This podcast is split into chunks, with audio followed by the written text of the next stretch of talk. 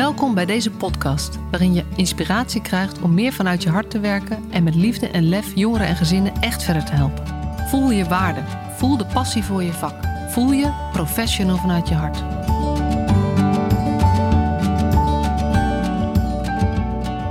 Wat leuk dat je weer luistert. Een nieuwe aflevering van de Professional vanuit je hart podcast. En uh, hier uh, Velux Raan tegenover Velux Raan. Allebei op onze, onze zolder of vliering uh, zitten Ronnie Pijs en ik. en Ronnie is directeur bij Family Supporters Noordoost Gelderland. Hij heeft ontzettend veel al gedaan in ons hele brede jeugdzorgveld. En ik ben hem onlangs tegengekomen bij een ergens waar ik mocht spreken. En we hadden een, zeer um, gepassioneerd gesprek, mag ik wel zeggen. En toen zei ik, volgens mij moeten we hier gewoon lekker een podcast van maken. Dus dat gaan we vandaag doen. Welkom Ronnie. Dankjewel, Marcia. Leuk om hier ja. te zijn. Ja, hey, uh, de eerste vraag. Hè. Ben, jij, ben jij een professional vanuit je hart? Ik, ik zeg volmondig ja. En daar met de nuance. Soms kan ik wel een beetje professional in, vanuit mijn hoofd worden. Um, uh, en als ik uh, terug kan keren naar wat ik graag doe, dan is het professional vanuit mijn hart. En hoe, hoe zit dat dan? Wanneer ga je naar je hoofd toe? Hoe werkt dat bij jou? Um, ja, ik, ik denk dat ik wel uh, bij mezelf herken dat als ik,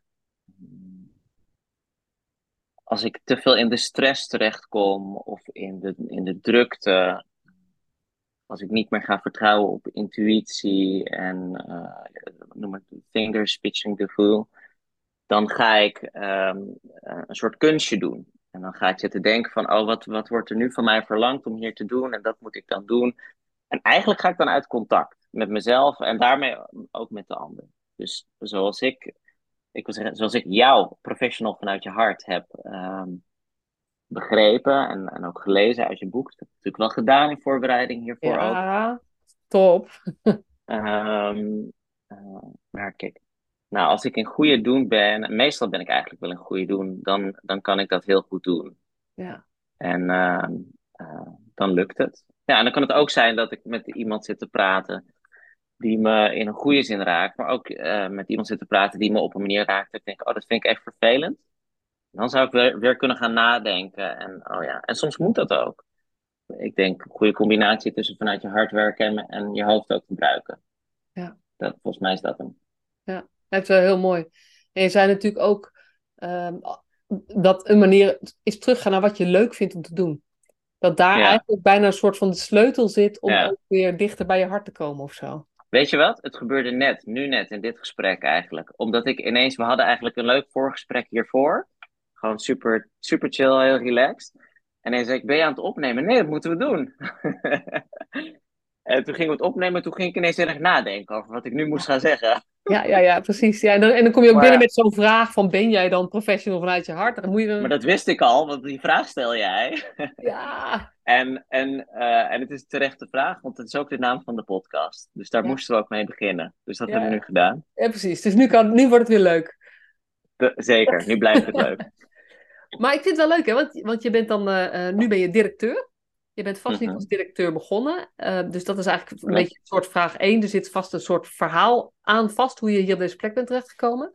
En mm -hmm. ook um, als jij zeg maar meest vanuit je hart werkt, als je dingen doet die je leuk vindt, wat mm -hmm. maakt het dan zo leuk wat je nu aan het doen bent? Ja. Um, nou, het zijn echt twee vragen in één. Dus, de, dus die eerste vraag is, ik ben niet als directeur begonnen. Ik zou haar zeggen, ik ben niet als directeur uh, geboren. Um, en, en, ik ben zeker niet begonnen. En om heel eerlijk te zijn, af en toe vind ik het een, ook een ingewikkelde term. Omdat ik hem dan koppel aan iemand die, die iets heel erg bijzonders en heel verantwoordelijk doet. Terwijl ik eigenlijk gerealiseerd heb, ik ben eigenlijk nog steeds dezelfde persoon en ik doe wel andere dingen. Ja. Um, en daar hoort dan nu ook een titel bij. Ik kreeg laatst hele mooie feedback van een collega die zei... Ja, je doet al die dingen, maar die titel past eigenlijk helemaal niet bij je. En misschien heeft dat te maken met de manier waarop ik het doe, dat weet ik eigenlijk niet zo goed. Maar mijn, um, uh, ja, krijg je toch loopbaan begon uh, meer dan twintig jaar geleden, toen ik 17 was. En uh, een stage liep met dak- en thuislozen, mensen met verslavingsproblematiek. deed ik de opleiding Sociaal-Pedagogisch Werk in het derde jaar. En toen had ik mijn diploma nog niet gehaald en toen vroeg ze of ik wilde invallen. En vanuit uh, het invallen werd dat uh, een contract. En toen heb ik 2,5 jaar met dak- en thuislozen gewerkt. En dat was echt een fantastische vuurdoop in het werken met mensen. Met uiteenlopende vraagstukken. Maar ze waren allemaal dakloos. Dus ze waren eigenlijk allemaal een beetje ontheemd. Uh, maar de meeste, zeker de mensen die niet actief drank of drugs gebruikten op dat moment, waar kon eigenlijk best wel leuke gesprekken mee voeren ook nog. Ehm, en in een van mijn, mijn allereerste diensten werd, er, werd er een stijgerpijp door een raam heen geslagen, waardoor ik onder het glas zat. Geen scherven met bloed tot effect bij mij of zo, maar en ik bleef eigenlijk heel relaxed op de een of andere manier. Ik weet nog dat ik niet 112 belde, maar dat andere nummer, waar 0900 8844. Ja, volgens mij moet er iemand komen. Maar, uh, en, het, en zo is eigenlijk mijn, mijn, de rest van mijn hulpverleningsleven is allemaal steeds zo van, oh, oh, er komt weer iets en er komt steeds weer iets op mijn pad. Het komt eigenlijk steeds goed. Vanuit daar ben ik, uh, heb ik met, uh, na 2,5 jaar ben ik daar wel weggegaan. Dan ben ik maatschappelijk werk en dienstverlening gaan doen. Toen heb ik met uh, gezinnen, eerst met kinderen gewerkt die na school in een. De, de, mag ik namen noemen van organisaties? Ja, ja dat mag volgens mij ja, wel. Ja, uh, bij Altra op de 612 in Amsterdam. Um, en dat, dat, was wel, ook wel leuk. Ik, ik, heb vooral gesport met kinderen. Dat was fantastisch om gewoon te sporten en bewegen. En, en vanuit daar ging ik naar kinderen die echt niet meer thuis konden wonen, die in een uh, residentiële setting bleven. Ja, en ik kan, ik kan me de namen, die ga ik natuurlijk niet noemen van die kinderen, maar ik kan me de namen en de gezichten van al die kinderen, wel een groot deel, kan ik nog gewoon heel goed voor de geest halen.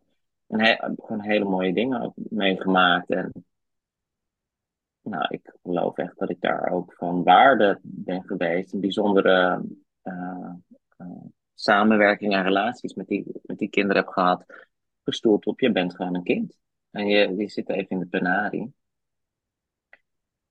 Um, en heb je nog contact met uh, sommige van hen? Het is grappig dat je het vraagt, want ik, ik, ik vertel heel vaak wel het verhaal van een van die kinderen wel. Um, en denk dan steeds, nou, hij zal nu een jaar of hoe oud zou hij nu zijn? Misschien is hij nu wel 22. Hij was toen 6, dat jongetje. Eentje waar ik dan altijd aan moet denken, waar een bijzonder verhaal. Uh, en hoe zou het nu met hem gaan? Maar ik weet zijn achternaam niet, dus ik zou hem niet meer. Ik kan ook niet bellen naar die instelling. Hoi, ik werkte hier 16 jaar geleden. Mag ik zijn achternaam misschien?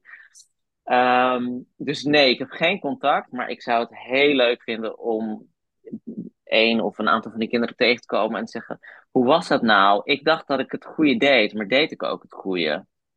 Dat gezegd hebbende, even terugkomend op jouw vorige podcast met um, uh, Sharon Stellaert, waarin zij ook vertelt over in de orthopsychiatrie te hebben gewerkt. Dat heb ik heel even tussendoor gedaan. Daar heb ik geen leuke dingen meegemaakt. Met echt, ik moest mezelf beschermen om te zorgen dat sommige kinderen mij niet aanvielen. En hoe deden we dat? Nou, hetzelfde als 100 jaar geleden volgens mij met separatie. Echt bizar. Ja. En er was eigenlijk helemaal geen bescherming of begeleiding in naar ons toe. De bescherming was bescherm jezelf. Maar daarmee, wat doen we, doen we met de kinderen? Daar, ik durf wel te zeggen, daar, het doet wel een beetje pijn ook om dit te zeggen. Doet, ja, ik heb daar wel spijt van hoe, hoe dat is gegaan. Ik heb nooit een kind moedwillig wat aangedaan, maar ik moest wel soms mezelf beschermen. En dat werd, is niet goed begeleid toen. Nee.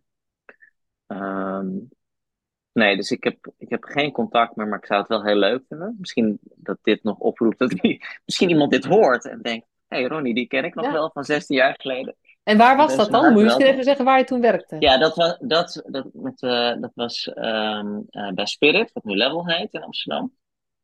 Beter met thuis. Daar heb ik ja. van 2,5 jaar gewerkt. Een leuk team ook. En daarna ben ik naar de opvoedpolie in Amsterdam gegaan als gezinscoach. Daar heb ik eigenlijk buiten waar ik nu werk, dat is echt waar. Waar ik nu werk is mijn leukste werktijd, maar uh, daarbuiten was dat, is dat mijn leukste werktijd geweest daar heb ik echt geleerd um, wat het betekent om, uh, nou, om, om te werken met mensen die zich uh, kwetsbaar opstellen omdat ze in de penarie zitten. En het lijkt een beetje paradoxaal, want net zei ik ook al, ja, toen ik 17 was, werkte ik ook met mensen die zich kwetsbaar opstellen. en, en dan ging ik ook verbindingen aan. Maar dat komt denk ik omdat ik zelf in die periode ook vader ben geworden. En ik weet nog wel dat ik één gezin aan het adviseren was om bepaalde dingen te doen, omdat ze mij advies vroegen. Een broekje van 24, maar als je 24 bent kun je ook denken dat je al heel wat bent. En nu ik 38 ben, kan ik ook denken dat ik heel wat ben. Maar ja, wie weet hoe ik daar dan weer op terugkijk. En toen had ik even vaderschapsverlof. Heel vooruitstrevend bij de opvoedpolie kreeg je als man twee weken betaald vaderschapsverlof. 2013 was dit. En toen kwam ik terug en toen dacht ik, wat heb ik jullie... Ik heb ook gezegd, tijdens mijn verlof dacht ik aan jullie. Wat heb ik jullie allemaal geadviseerd?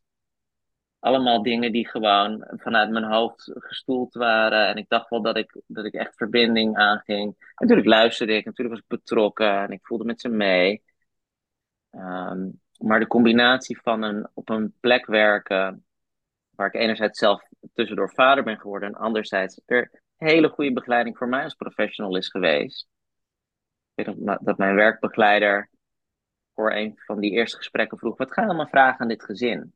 Ik dacht allemaal theoretische vragen die ik moest stellen. Hij zei: onzin. Maak eens gewoon contact met de mensen die tegenover je zitten. Vraag eens gewoon: hallo. Wat leuk dat ik hier mag zijn. Hoe is het, uh, is het voor jullie oké dat ik hier ben? Hoe vinden jullie het? Hoe ziet jullie leven eruit? Wat willen jullie delen? Ook helemaal niet op problemen gericht. Ik dacht dat ik over al die problemen moest praten. Dus dat is echt een hele mooie werktijd voor mij geweest, zes jaar lang. En toen ben ik verhuisd van Amsterdam naar de Achterhoek. Toen heb, ik, toen heb ik nog even in Amsterdam gewerkt. Dat is niet te doen met, met reistijd. Ik heb meer, meer in de file gestaan dan, dan niet, geloof ik. Uh, en toen ben ik in, in een wijkteam in uh, Achterhoek terechtgekomen. En dat was ergens ook wel weer heel erg leuk. Want ik ging van echt zelf hulp mogen verlenen en, en echt dicht bij mensen staan naar uh, ineens voor 100 tot 150 gezinnen moeten besluiten of moeten adviseren. Zij mochten kiezen, maar ik moest adviseren waar zij dan hulp moesten krijgen. Um, parallel daaraan heb ik ook als praktijkondersteuner jeugd in vijf huisartsenpraktijken gewerkt. Dan, daar werd het weer leuk, want dan mocht ik zelf weer echt wat gaan doen.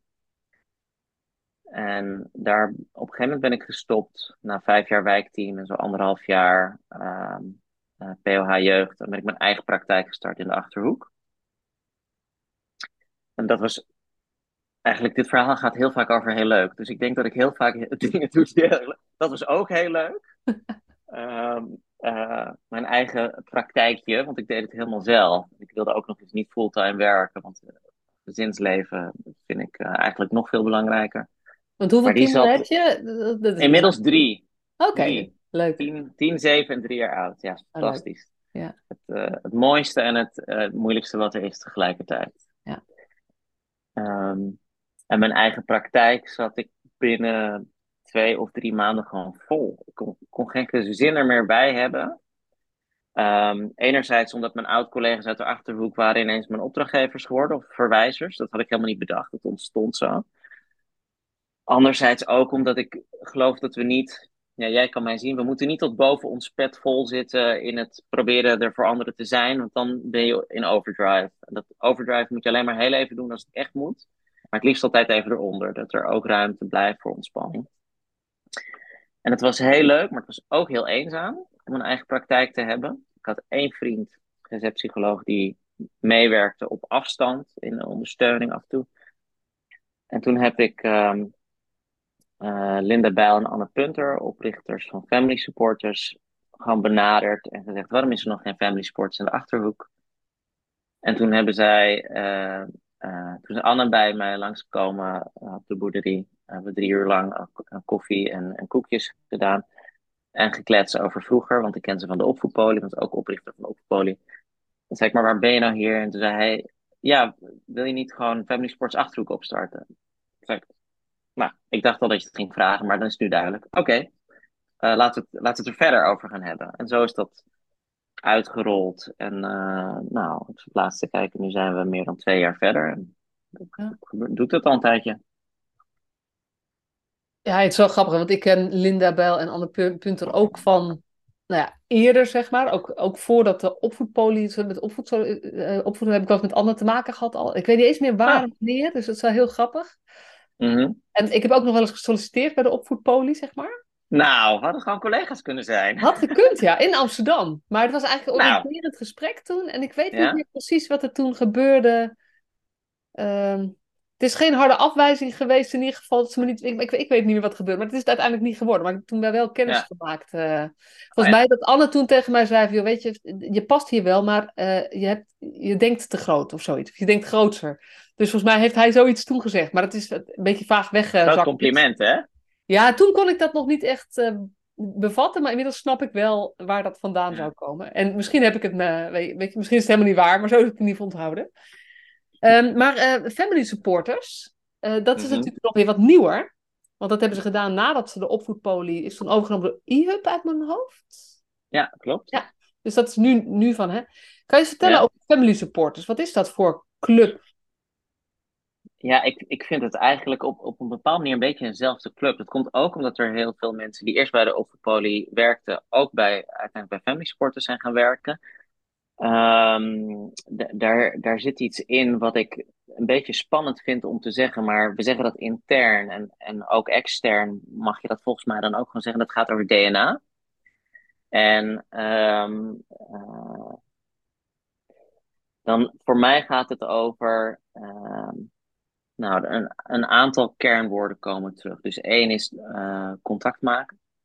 Dat, dat is de basis. Als we het vanuit contact maken, als we dat niet doen, dan heeft de rest ook geen zin. Het tweede is eh, systemische blik. Ehm, ik heb ook ergens nog de opleiding eh, contextueel systeemhulpverlening gedaan. Ehm, en dat was helemaal thuiskomen. Dus ik zeg, mijn basis is maatschappelijk werk, maar daarna heb ik contextueel systeemhulpverlening gedaan. Toen dacht ik, oh, maar dit is. En Ja. misschien over tien jaar denk ik iets anders, maar nu zit, zit ik daar. Dat, het is eigenlijk ook een beetje, nou, bijna tien jaar geleden dat ik die opleiding heb gedaan. Dit is eigenlijk waar het over gaat. Dus ik praat met iemand, en wij vanuit Family Short, we praten met iemand, maar we zien het altijd in de context. Een kind met ehm, eh, nou, bezorgdheden, waar iets mee aan de hand is. Of ouders die bezorgdheden hebben over een kind of over een relatie. Er zit altijd een context achter. Dus ik ben altijd nieuwsgierig naar uh, niet alleen hoe ziet het in het huis eruit, maar ook uh, hoe zag het in het huis vroeger eruit. Dus waar kom je zelf vandaan? Ja. De ouders van nu zijn de kinderen van vroeger. Ja.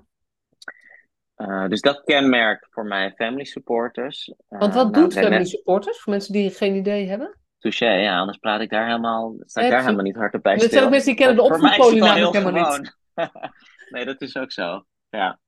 Uh, family supporters biedt um, uh, hoogwaardige, nee, ik moet het goed zeggen, hoogspecialistische familiezorg. Ik kan het nu heel duidelijk zo eruit gooien, want we hebben net twee dagen met elkaar daar heel erg over zitten bomen in, uh, binnen family supporters over hoe kunnen we, dat nou goed zeggen. Wat we nou eigenlijk doen. Dus het is specialistische familiezorg, waarbij op, op maatwerken centraal staat. En ik kan dat meteen vertalen naar, we doen 0 tot 100, dus dat betekent nou, van het jonge kind tot in de ouderdom. Uh, dat, en dat op maat kan ik vertalen naar, ik krijg heel vaak de vraag van verwijzers, hoi, ik ben op zoek naar PMT. Hoi, ik ben op zoek naar een systeemtherapeut. Hoi, ik ben op zoek naar whatever. En dan zeg ik, wat mooi, dat hebben we allemaal. Uh, en kunnen we praten over wat het verhaal is van het gezin. En daarna kan het gezin mij bellen of mag het gezin bellen om dat met hun over te hebben. Um, en gaat het dus niet over dat wij een aanbod hebben. En daar moet je als gezin dan binnenpassen. Nee. Dat betekent ook niet dat uh, hulpverlening een supermarkt is. Dus dat je hier onbeperkt aantal producten kan halen als uh, verwijzer of als gezin. Maar het betekent dat er een uh, dat er met een heel goed oor geluisterd moet worden naar wat is hier de vraag. En hebben we iets wat er wat erop lijkt uh, dat dat zou kunnen passen. Bijvoorbeeld wel eens, oh, dit kind moet echt PMT hebben. Oké, dan hebben we een, uh, een kennismaking met elkaar. En dan zei dit kind, ik heb echt een bloedhekel aan sport. Zeg, weet je wat PMT is? Ja, dat hoor ik de hele tijd. Ik heb het gegoogeld. Past helemaal niet bij mij. Ik zeg, dan zijn we het met elkaar eens dat we dat niet moeten gaan doen. Dus dat op maat, het begint al met nadenken over, ja, ehm, ik, ik, gebruik geen woorden als zorgpad of uh, module. Nee, iedereen bij ons is uh, gezinscoach, dan wel breder opgeleid. Dus iedereen kan iets met, er is een gezin of er is een mens, die stelt een vraag, die wil er hulp bij. En uh, we kijken wat we doen. Vrij uitgebreid antwoord hè, op de vraag, ja, vind, wat is ja, nou ik sport is. Ik had tussendoor even opgeschreven, wat je, wat je eigenlijk doorbreekt is het productdenken. Absoluut. En, en dat, Ja. is, dat is eigenlijk wat, wat ik je, als ik je goed begrijp, wat je wil vertellen, is, is cruciaal, is dat er wordt een product aangevraagd door een verwijzer, Ja, maar jullie geven Ja. nooit antwoord met een product. Jullie zeggen, joh, fijn dat je ons belt. ja, Natuurlijk willen wij iets voor dit gezin Goed bespreken. Dat betekenen, we gaan hen bellen en vragen wat hun vraag is. En vervolgens kijk je ergens aan de achterkant. Oké, maar in welk product zullen we dit dan... Want je, moet, je hebt natuurlijk mee te leven met de, met de systeemwereld. Dus je zult iets moeten doen met productbeschrijvingen of zo. Want anders heb je een financieringsprobleem. ja. Maar als ik het goed begrijp, probeer je dat bij het gezin zoveel mogelijk weg te houden. Nou, dat begrijp je heel goed. Eh, ik moet echt lachen als jij dit zo aan mij terug denk ik, wauw, jij luistert echt inderdaad heel goed. En er zijn allemaal, allemaal haakjes die, die nu vormen in mijn brein. Ehm, is het niet zo dat we ehm, toen ehm, de hulpverlening wat meer op gang kwam? Ik zit te denken aan je vorige podcast en dan gaat het over. Er waren vier soorten hulp die ingezet konden worden. En nu, 100 jaar later of zo, ik weet niet hoeveel jaar later, maar het zijn duizend producten. Nee, ah, 12.000 12.200 volgens mij. Of 12.600 producten. dat is veel te veel. Wie heeft die ooit allemaal geschreven? Met alle respect hoor, voor mensen die daar allemaal hartstikke goed waarschijnlijk over hebben nagedacht. Ehm, ja, eh, je hebt het heel goed gehoord. Ik denk helemaal niet in producten. De grap is wel al lang voordat ik bij Family Sporters werkte, zei ik hulpverlening is geen supermarkt waar je producten hebt, ironisch genoeg. Ehm, eh, want je koopt niet een eh, product en een gezin. Kijk, als het geïndiceerde zorg is, koopt een gezin sowieso niks. Dan koopt de gemeente misschien iets. Maar eigenlijk waar het over gaat, is je gaat een relatie aan met iemand waarvan je zegt: Ik wil kijken of ik jou vertrouw. Even vanuit het perspectief van de mensen die bij ons komen, denk ik. Ik wil kijken of ik jou vertrouw. ehm, om mij te ondersteunen in, in waar ik last van heb. En in de mensen eh, die dan bij ons werken. En ik realiseer me dat ik dat niet zelf bedacht heb, maar liever goed gejat dan slecht verzonnen, heb ik wel eens gehoord. Volgens mij is mijn collega Judith Bons van Family Supporters Drechtsteden, die ik dat lang geleden heb horen zeggen. eh, iedereen die bij mij werkt, moet ik mijn eigen kinderen toe kunnen vertrouwen. En dat heb ik heel erg eh, ter harte genomen. Dat is wat ik doe. Dus ik kijk naar de mensen die bij ons willen werken en naar de mensen die bij ons werken, maar die zijn, er, die zijn al door die, door die commissie heen gekomen. En, en dan denk ik, goh, zie ik voor me dat jij mijn kind zou kunnen helpen. Vind ik je een betrouwbaar mens. En natuurlijk moet er ook een diploma achter zitten. Anders krijgen we het niet gefinancierd. Zo is het nou eenmaal. Ja. Maar daar, daar begint het mee. Uh, dat is één. En twee is, kan uh, het mens dat hier gaat werken, kan niet de mensen die zich hier aanmelden om hulp te krijgen ook als een mens beschouwen. Ja. En daar kan een diagnose uh, kan erbij zijn, uh, maar de mens is niet een diagnose. Lijkt me vrij duidelijk. Ja, ja. ja precies. Dus, dus in die zin heb je ook een. Ja, ik, ik word natuurlijk heel blij van het type professional wat je zo beschrijft. Maar het is wel een bepaald type professional wat ook in. Um, uh, wat kan floreren in um, vrijheid uh, en eigenlijk niet zeg maar de hokjes die voorgestructureerd zijn. Dus de mensen die ja. bij jullie werken moeten kunnen. Natuurlijk staat er een schil van support omheen, dus je hoeft het niet alleen te doen. Uh, en mm. natuurlijk gebruiken we allemaal ons hoofd. Maar eigenlijk mm. is jullie vraag aan die professionals die bij jullie werken: joh, vergeet even alle producten die we hebben. Ga praten, ga luisteren, ga bedenken. Uh, ga, nee, niet, niet ga jij bedenken, maar ga samen met het gezin bedenken wat de volgende stap zou kunnen zijn. En kom dan terug naar kantoor en dan gaan we wel kijken hoe we er een product aan hangen, zeg maar. Maar het is, ja. het is echt omgekeerd denken. En dat is zoveel vrijheid, dat vindt ook niet iedereen fijn. Nee, uh, dat kan, maar dan moet je hier niet werken. Nee, precies. En het grappige is, jij noemt het omgekeerd denken, maar ik weet niet beter dan dat ik het normaal vind om zo te denken. Ja. Dat ja, precies, maar voor mij is het ook logisch. Maar als je kijkt naar de systeemwereld, en dan weet je, weet je, je kan natuurlijk zeggen, voor jou is het normaal. Maar tegelijkertijd weet je ook dat het bij jullie, dat dit wel iets is waar jullie anders in zijn.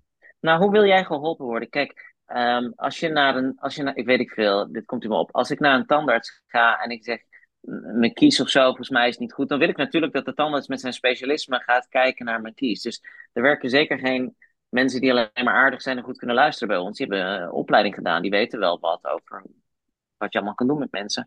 Ehm, maar die tandarts, die kijkt naar mijn kies. Als hij een rottandarts is, dan ga ik er gewoon nooit meer naartoe. Nee. Als ik zeg het doet pijn en hij gaat gewoon door, ja, doei. Dan kies ik een. Ik ben, dit is heel grappig, want ik ben dus overgestapt van tandarts. Niet zo lang geleden. ik had niet bedacht. Ik hoop dat jouw oude tandarts niet deze podcast luistert. Of juist wel, dan, kan die, eh, dan weet je waar het over gaat hoop dat ze er naar luistert, om eerlijk te zijn. En ze was geen rottandaard. Ze, ze deed het zoals, zoals zij dacht dat ze het moest doen. Maar ze had eigenlijk helemaal geen aandacht voor dat, het, e-, dat ik daar echt ongemakkelijk in die stoel lag. En ik gaf het wel aan, maar ze had gewoon geen tijd. Nee. Dan denk ik, ja, als je geen tijd hebt, dan ga je ook zonder aandacht dingen doen. En als je dingen zonder aandacht gaat doen, dan ga je dingen missen. Ja, dit is ook briljant, hè? Als je geen tijd hebt, ga je dingen zonder aandacht doen. En, Vind je dat uh, briljant, ja? Ja, dat vind ik wel briljant. Ik probeer altijd te zoeken naar hoe, um, um, hoe kunnen we nog beter uitleggen mhm. waarom, neem, noem het even basishouding, zo belangrijk mhm. is. En denk je, ja, dit is, um, dit is volgens mij dus het, het goud. En, en Danielle Brown hè, zegt, aandacht is het nieuwe goud. Maar het zijn allemaal van die abstracte dingen. Dus hoe kunnen we dat mhm. nou iets concreter maken? En ik denk, ja, je maakt het, maakt het concreter door te zeggen, ja, als je geen tijd hebt of mhm. maakt, of neemt, of creëert, weet je, whatever. Doe je dingen zonder aandacht. Wat gebeurt nou, als je wel... zonder aandacht doet? Ja. ja. Ja, ik kan wel aanhaken. Ehm, eh, even over product denken, systeemwereld, tijd. Um, we zijn eh, geconfronteerd met een situatie waarin we beschikkingen krijgen om gezinnen te helpen. Um, we kunnen het nog heel erg hebben over wat is helpen. Hè? In ieder geval niet redden, dat, uh, dat is heel helder. Maar in ieder geval, we hebben zo'n beschikking. En vaak zit er een, een einddatum aan. Soms is het een half jaar, soms is het een jaar, whatever. Um, het impliceert zo'n zo'n einddatum aan zo'n beschikking, dat je, dan, dat je het wel met elkaar krijgt, gefixt krijgt binnen die tijd. Dan wel, ja, dan moet je even een verlenging aanvragen. En ik snap het ook. Ik heb ook van gemeente gewerkt. Je wil weten als je tegen een gezin zegt, nou je gaat hier hulp krijgen met elkaar, bedenken jullie of bedenken wij dat het ongeveer zo lang. Maar um, soms zeggen gezinnen ineens in, een, in, de loop van een traject, ik merk dat ik even een break nodig heb. En ik zeg, supergoed. Ja. Wat fantastisch dat jij een break nodig hebt. Uh, ik, ik gebruik de term uh, regelmatig. Straks heb je een hulpverlener nodig om om te gaan met je hulpverlener. Want die, hulp, die, die eerste hulpverlener die vraagt de hele tijd wat van je. Uh, zo moet het niet zijn. Maar dan komen we een beetje in de knel, want die heeft een break nodig. En die break kan drie maanden duren misschien. Um, en dan komt die einddatum. En dan kan je een gesprek gaan krijgen met elkaar over waarom is het niet gelukt? Je hebt een break nodig. Ja, was er dan eigenlijk wel hulp nodig? Nou ja, je hebt het zelf geïndiceerd. Dus zelf bedacht je, als verwijzer wellicht, dat het belangrijk was voor een gezin om hulp te krijgen. Uh, maar kon je natuurlijk ook niet overzien dat het leven vol verrassingen zit.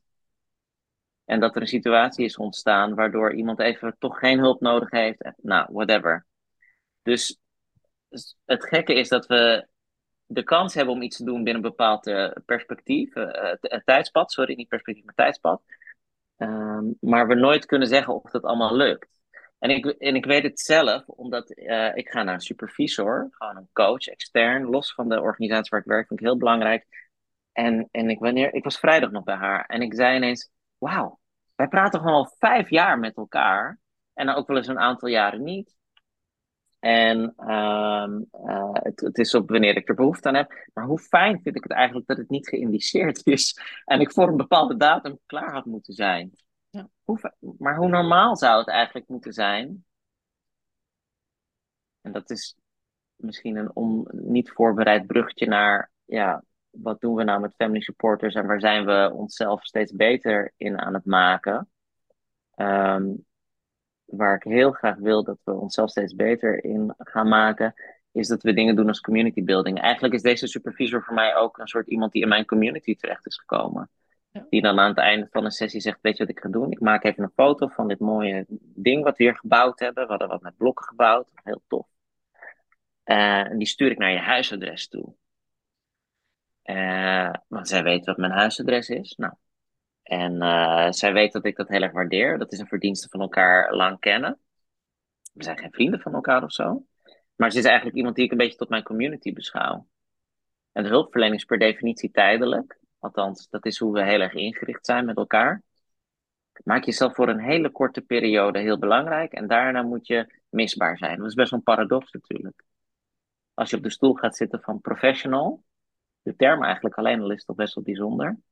Dan is het alsof jij het weet. En dat jij het even gaat doen.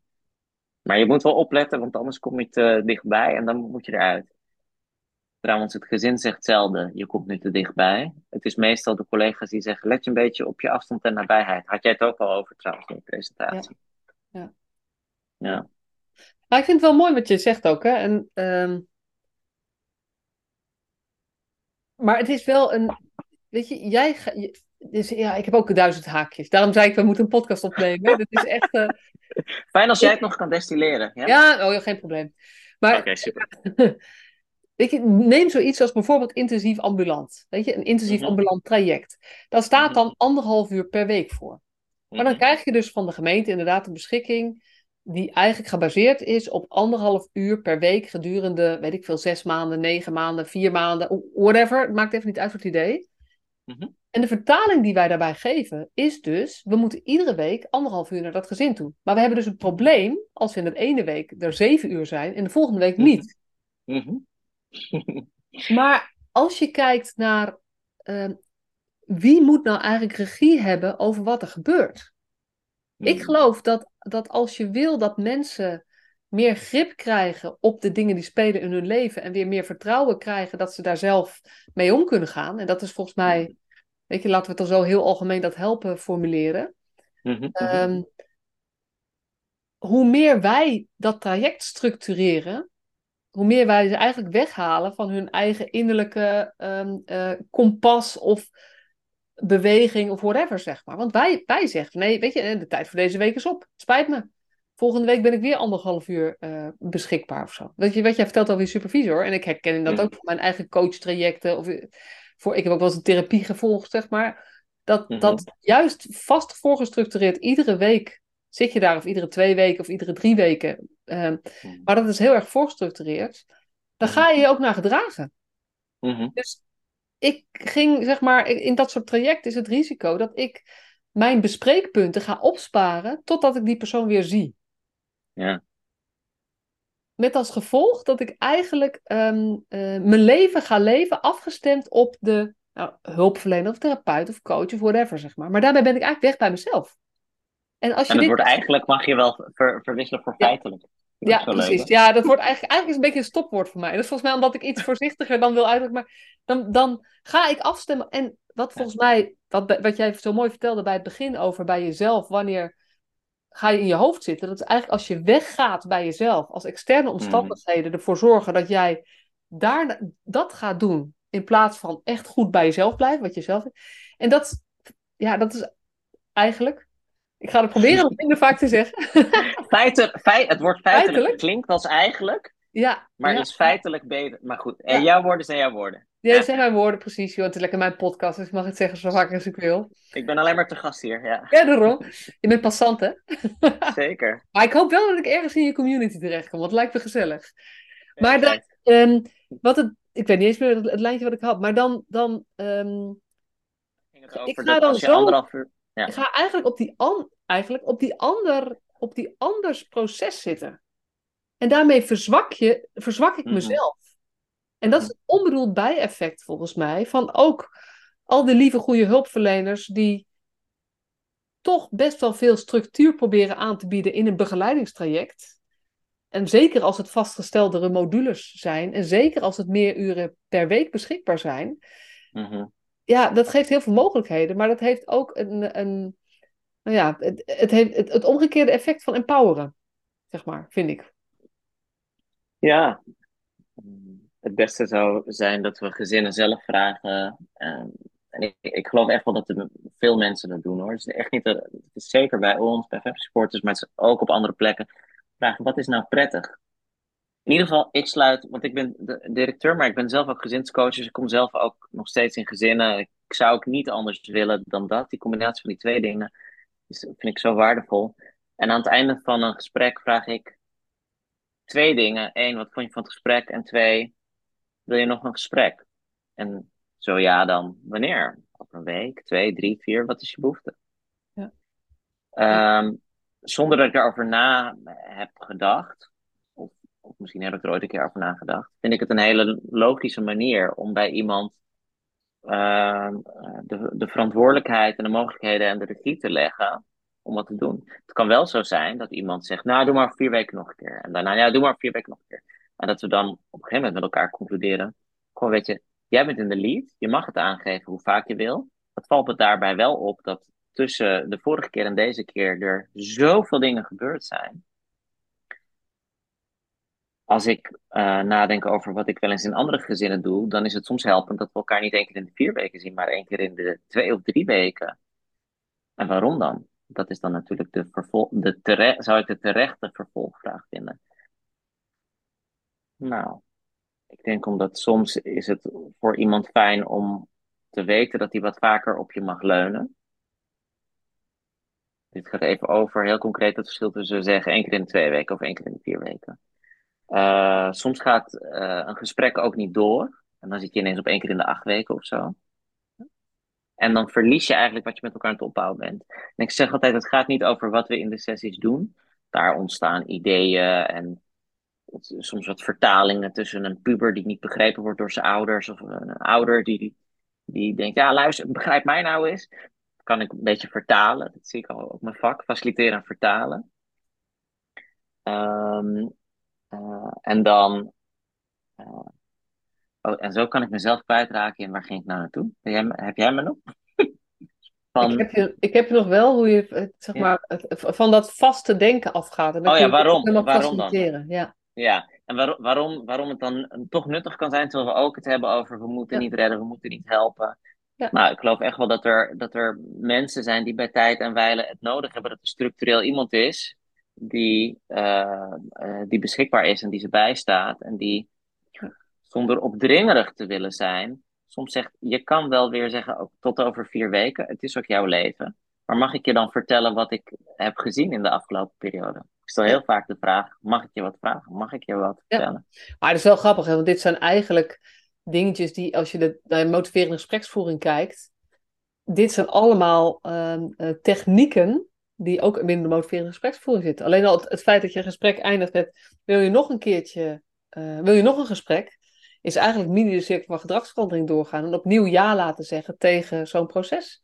Dus er zijn, en ik geloof daar heel erg in dat als wij onze zeg maar, een van de problemen die we natuurlijk hebben bij, uh, of ja, die er zijn, is dat bij veel multiproblem gezinnen, wat ik al een verschrikkelijk woord vind, maar gezinnen waar veel aan de hand is. Multi, multistress. Multistress gezinnen? Ja, is al beter. Want ze hebben, ze hebben stress. Hebben, is ook uh, en die hebben, ja, ja, en die hebben, hebben letterlijk hulpverleners nodig om met hulpverleners om te gaan trouwens. Dat is... Uh... Heftig hè? Ja, ja, ja. ja. Maar, um, nou of, hebben ze, eh, of hebben ze soms geld nodig? Dat is, ja. we gaan, ik noem allemaal naam, Michelle van Tongerlo op LinkedIn ja. volgen. Of hebben ze beter uh, zoveel geld nodig? Dat is veel goedkoper dan die twaalf hulpverleners. Omdat er stress is, omdat ze... Uh, mijn kind moet uh, naar de. het kind moet, het gezin moet naar de opvang toe. Zo'n klassiek verhaal. Ja. Uh, want ik moet werken. Want ik heb een uitkering, maar ik moet ook werken. maar ja, ik, ik, moet werken, maar ik moet ook met mijn hulpverleners afspreken. Dus ik heb eigenlijk geen tijd om te werken. Ja. en, dan gaat, maar, en, best, ja. en wat er dan gebeurt, is dat vaak die mensen als ongemotiveerd gezien worden. Terwijl er iets totaal anders aan de hand is. En als, ik denk dus dat het, nou ja, het gaat over het, het wezenlijk veranderen van, het, van de manier waarop je het gesprek voert. Nog even Zeker. los van wat je aan kennis gaat toevoegen. Maar dit gaat zo over basishouding. Die, Zeker. Um, die eigenlijk, ja. Waarvan ik denk, ja, dat is hetgene wat het meest verschil maakt. En waar we veel meer, weer veel meer in investeren, is we moeten meer kennis gaan toevoegen. En hoe Ja. ingewikkelder het wordt, hoe meer specialisme we vaak gaan toevoegen, maar hoe moeilijker het ook weer vaak wordt voor de mensen om wie het in het echt gaat. Mhm. Ja, Dus- wat is dan kennis toevoegen? Ik bedoel, kennis is ook. Ik moet nu denken.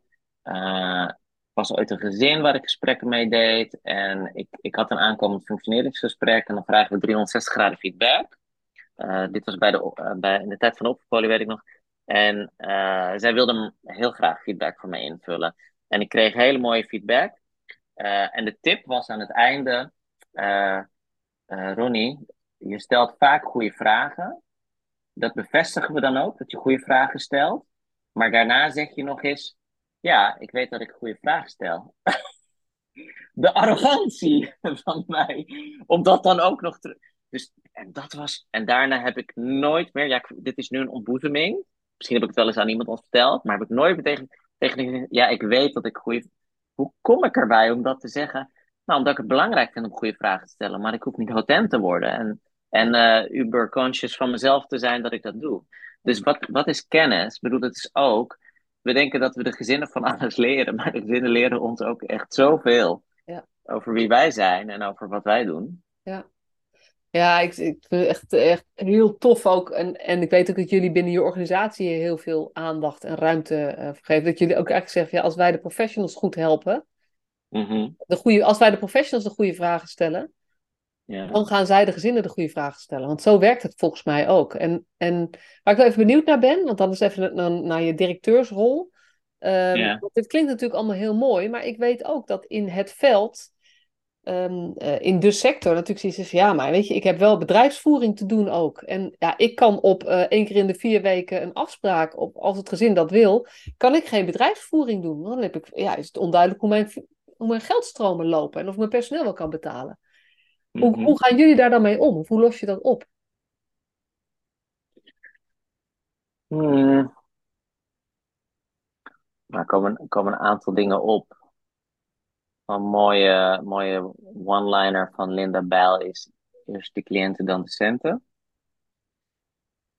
Dus dat is ook soort, ja, dat is ergens geïntegreerd in mijn DNA of zo. Dat ik denk, ja, maar dat, daar gaat het in eerste instantie om. Ik ben blij dat we eigenlijk zelden nog woord cliënt gebruiken en gewoon zeggen mensen die zich melden. Mensen die, die ergens last van hebben, die dan bij ons komen, de gezinnen, whatever.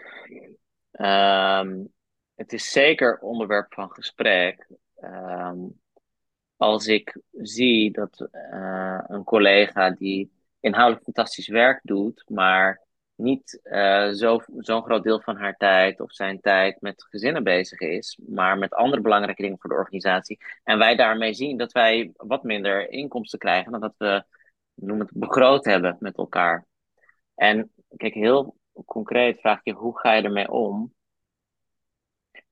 Ik, ik, ik heb eigenlijk een beetje een triest antwoord. Het trieste is, hoe ik ermee omga, is dat ik merk dat ik met de mensen die bij me werken, die professional zijn, ik, ik, ik denk echt allemaal professional vanuit je hart ook overigens, dat ik met hen praat over, ja jongens, ik moet het ook over geld hebben. Zucht. Maar als ik het niet heb, als ik het er niet over heb, en kijk, bijna iedereen bij ons weet wat de realiteit is. De re realiteit is dat je heel vies woord, dat je declarabiliteitsnorm hebt. Dat, is, dat heeft iemand veel slimmer dan ik een berekening op losgelaten. In ieder geval veel slimmer met cijfers, want dat is niet mijn kwaliteit. En die zegt, je moet zoveel procent moet je declarabel zijn. Ik had een collega waarmee ik heel lang zei, dat woord vermijden, we noemen het het D-woord. We gaan het niet zeggen, maar dat werd weer ingewikkeld. Want wat is het D-woord? Ging ik uitleggen, dat is declarabel. Nou, laat maar. Oké, het is declarabel, maar we gaan het woord zo min mogelijk zeggen. Goed, dus dat moet je met elkaar zijn, want anders ben je ook niet een financieel gezonde organisatie. En zorgorganisaties hebben het over het algemeen uitdagingen om financieel gezond te blijven. Dat is wat ik wel geleerd heb in alle jaren in de, in de hulpverlening werken. Het gaat er toch ook vaak over hoe zorg je voor je gezinnen die bij je komen, hoe zorg je voor de organisatie en hoe zorg je voor jezelf. Ja. Uh, nou, die drie uh, tot een heel uh, belangrijke, belangrijkste pijlers van, van ons werk. Ja. Als je dat hebt gemaakt, nou dan heb je het goed in de smiezen met elkaar. Dat kan, dat kan soms bijten. Ja, wat ik wel leuk vind, hoe je erover, weet je, uh, hoe je erover vertelt.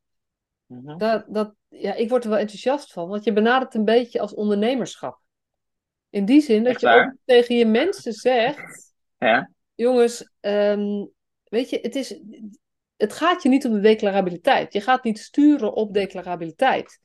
Maar, je, maar het besef bij iedereen is wel: we moeten met elkaar zorgen dat we, dat we dit voldoende hebben. Anders kunnen we niet blijven doen wat we doen. Want, want weet je, dan, gaat het gewoon niet. En dat snapt iedereen wel.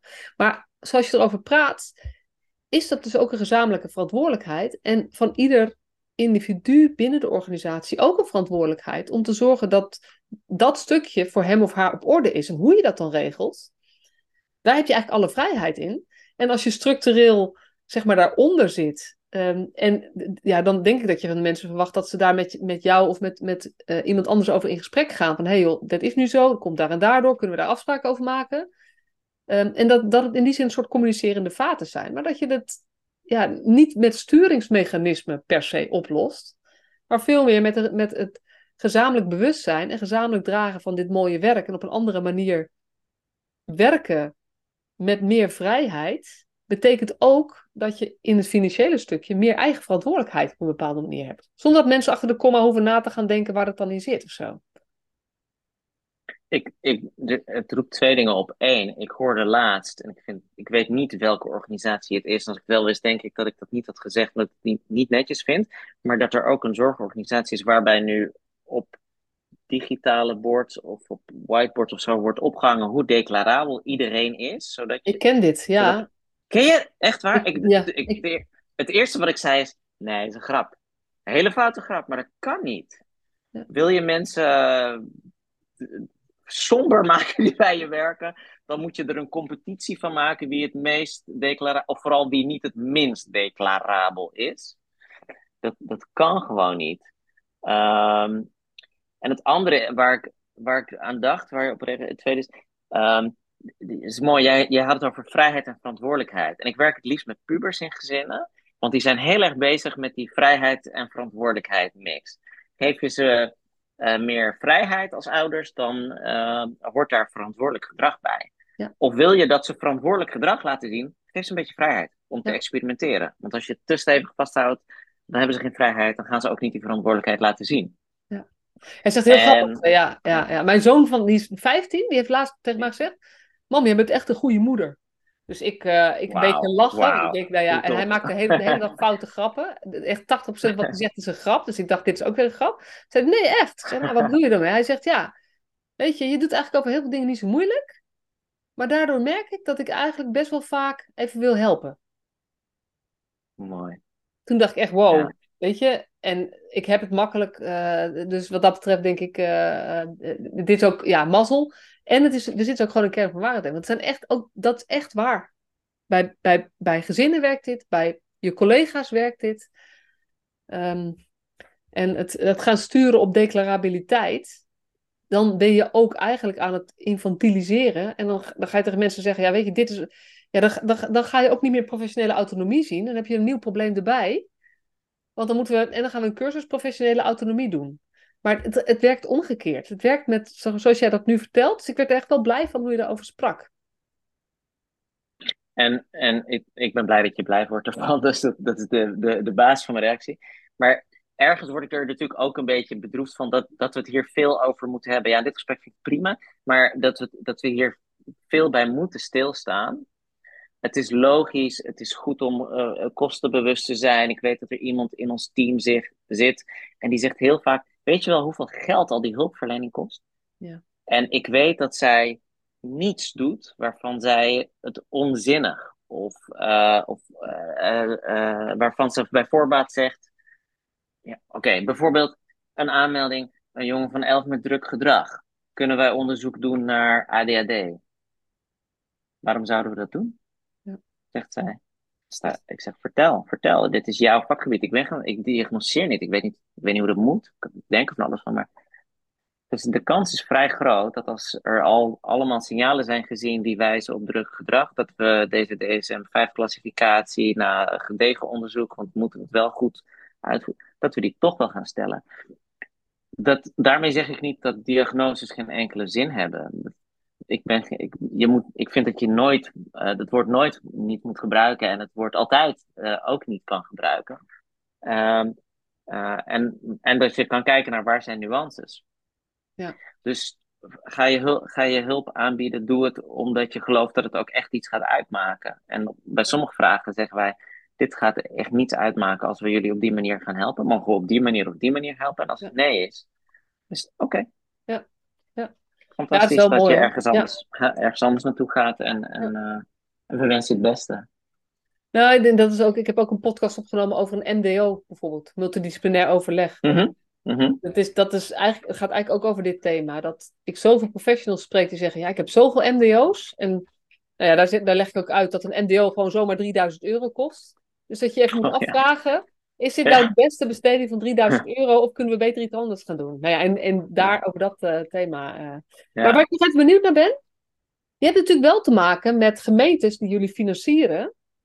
ehm, eh, die nou ja, wel wat meer in productcodes denken en in dingen. En, en hoe, doe je dat? Met, en we hebben niet meer zo Ja. heel veel tijd, dus we moeten het een beetje beperkt houden. Hoe doe je dat is echt ook een uitdaging als, voor eh, mij, dit. ja, ja, Om dingen beperkt te houden. ik Maar ik heb een heel concreet antwoord. Ga in gesprek en, en zoek contact en overleg. Dus ik heb echt best wel wat ehm, eh, contact met eh, verwijzers uit gemeenten. Die dan zeggen, goh, we denken dat dit en dit moet. En eh, dan zeg ik, goh, heb je dan nagedacht over wat voor productcode je hier aan hangt? Ik krijg het woord toch steeds minder goed uit mijn mond, merk ik door het gesprek. Ja, dat is deze en deze. Dan zeg ik, oké, oké.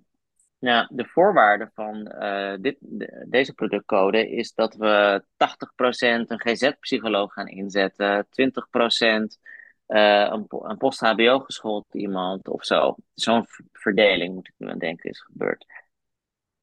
Mm, we hebben het gezin ontmoet. En we zien dat er eigenlijk veel betere match is met onze post-HBO geschoolde collega dan met de GZ-psycholoog. Hoe is het voor jullie als we het omdraaien ten behoeve van dit gezin? Ja, gaat het, denken jullie dat dat beter past? Ja, want we werken met klik. Daar haakt het trouwens op aan, hè? Uh, jij op het thema klik hebben we nog helemaal niet. E- nou, we hebben het er tussendoor een beetje over. Oké, ga het uitvoeren. Het is een fantastisch traject geworden. Dit was een, een professional die iets gedaan heeft met iemand. Probeert heel erg anoniem te houden, natuurlijk. Mag allemaal niet herleidbaar zijn. Maar, uh, en het ging over ver, verbinden van mens tot mens. En uh, um, uh, die heeft een, nou, een aantal keer een gesprekje gehad in de Kamer. Maar die ontdekt vooral, die moeten gaan wandelen met elkaar. Die moeten dingen gaan ondernemen met elkaar. Ja. Um, en, en dan gaat het dus over, hoe doe je het? Overleg met een verwijzer nadat je met een gezin hebt overlegd wat je de, hoe je denkt dat je kan helpen. Um, uh, we hebben afspraken met elkaar. Contractueel ziet het er zo uit. Hoe is het voor jullie als we het op deze manier uitvoeren? Niet helemaal conform het contract, maar is er ruimte? Ik heb ook wel eens gehoord, nee, die ruimte is er niet. Dan heb ik gezegd, dan moeten wij het niet doen. Ja, dus eigenlijk That's gewoon iedere keer op casusniveau uitzondering vragen. Bij ieder, nou, uh, soms hoef je geen uitzondering te vragen, maar dan kan je gewoon wat er in die productcodeboek is afgesproken, kan je gewoon precies zo uitvoeren. Uh, maar op het moment dat ik denk, ja, uh, er wordt misschien wel het, het opleidingsniveau van hulpverlener aangevraagd, maar als ik kijk naar het mensbeeld van hulpverlener B, past dat veel beter. Dat hoef ik allemaal niet zelf te bedenken, want iedereen, we kennen elkaar in het team, dus we weten dat met elkaar. Dan stellen we dat voor. Ja. En als dat uh, niet akkoord is en wij kunnen ook niet de hulpverlener aanleveren of we staan er niet meer achter om de hulpverlener aan te leveren, dan doen we het niet. Want ik wil geholpen worden uh, niet door de allerbeste tandarts, maar door gewoon een goede tandarts die ook gewoon aardig is. Dat ja. vind ik belangrijk als ik op die stoel ja, lig. Ja, en niet, en, en niet de hoogst opgeleide tandarts. Dat bedoel je eigenlijk met de beste, zeg maar. Ja, ja. Oh, ja zeker. Niet, niet de hoogst opgeleide tandarts, maar gewoon een goede. Ja, ja, ja. Ja, ik weet je, er zitten nog 300 haakjes in. Maar gezien de tijd moeten we het uh, uh, voor nu hierbij laten. Is er. Weet je, er, er, luisteren volgens mij allerlei mensen vanuit allerlei professionele hoeken naar deze, uh, deze podcast. Ik denk dat ontzettend veel waarde en ideeën in zitten. Maar als je nou één tip, advies zou mogen geven aan al die professionals op al die plekken. Met, met dat je denkt van ja, maar weet je, dit is hoe ik geloof dat we meer van waarde kunnen zijn. Wat zou dat dan zijn? Ik weet dat ik een moeilijke vraag stel. Hij zit echt te denken. Is dit, is dit ja. Kijk, ik ga al denken op, bij je eerste woorden hoor. Dan denk ik, oké, het gaat deze kant op. En ik kan van alles, kan van alles zeggen. Hmm. Ik probeer niet zo te denken, maar te voelen. En als ik dat voel, dan zou ik willen zeggen: Ik wil uh, uh, de ander behandelen zoals ik zelf behandeld wil worden. Het is bijna volgens mij een. Weet niet zo goed, is, dit een christelijke overtuiging of een katholieke overtuiging of een protestant? Ik weet dat soort dingen nooit. Dus, dus vooral heel veel wat ik niet weet. Maar het gaat over, als je daar dan uh, voor de eerste keer ergens binnenkomt om hulp te vragen, uh, of om met iemand te praten over waar je last van hebt, dan wil je ontvangen worden voor gewoon mens, het mens dat je bent. Ik wil ook ontvangen worden voor het mens dat ik ben. En dat heeft een ander ook. Dus ga, ga op zo'n manier met elkaar om. That's it. Mooi Ronnie, dankjewel. Graag gedaan, dank jou wel ook hiervoor.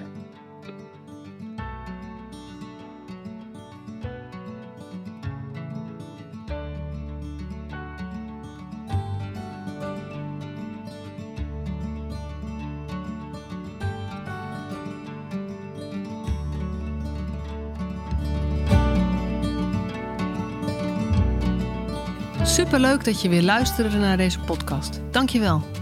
Nog even kort een paar belangrijke dingen. Ten eerste, het is mijn missie dat de jeugdhulp weer een sector wordt waarin bevlogen, liefdevolle professionals jongeren en gezinnen echt verder helpen. Daarom maak ik deze podcast voor jou. Wil jij deel uitmaken van deze beweging van Professional vanuit je hart, waarin professionals elkaar steeds opnieuw inspireren? Begin dan met het lezen van mijn boek. Je kunt de eerste hoofdstukken helemaal gratis lezen. Ga naar professionalvanuitjehart.nl slash boek. Ten tweede, wil je alle podcastafleveringen overzichtelijk onder elkaar? Abonneer je dan op deze podcast. Klik in je podcast-app op de button subscribe of abonneren. En elke keer als er een nieuwe podcastaflevering gepubliceerd wordt, ontvang je automatisch een berichtje. Ten derde, ondersteun je mijn missie? Geef me dan een review via je podcast-app, bijvoorbeeld iTunes of Spotify. Op die manier kan ik nog meer professionals bereiken. En ken je een collega voor wie deze podcast ook interessant is? Dan zou het super zijn als je hem of haar de podcastaflevering doorstuurt. Bijvoorbeeld door de link te kopiëren via Spotify. Ik vind het altijd heel leuk om berichtjes te ontvangen van luisteraars om te horen wat je van een podcast vindt, of als je misschien vragen of suggesties hebt.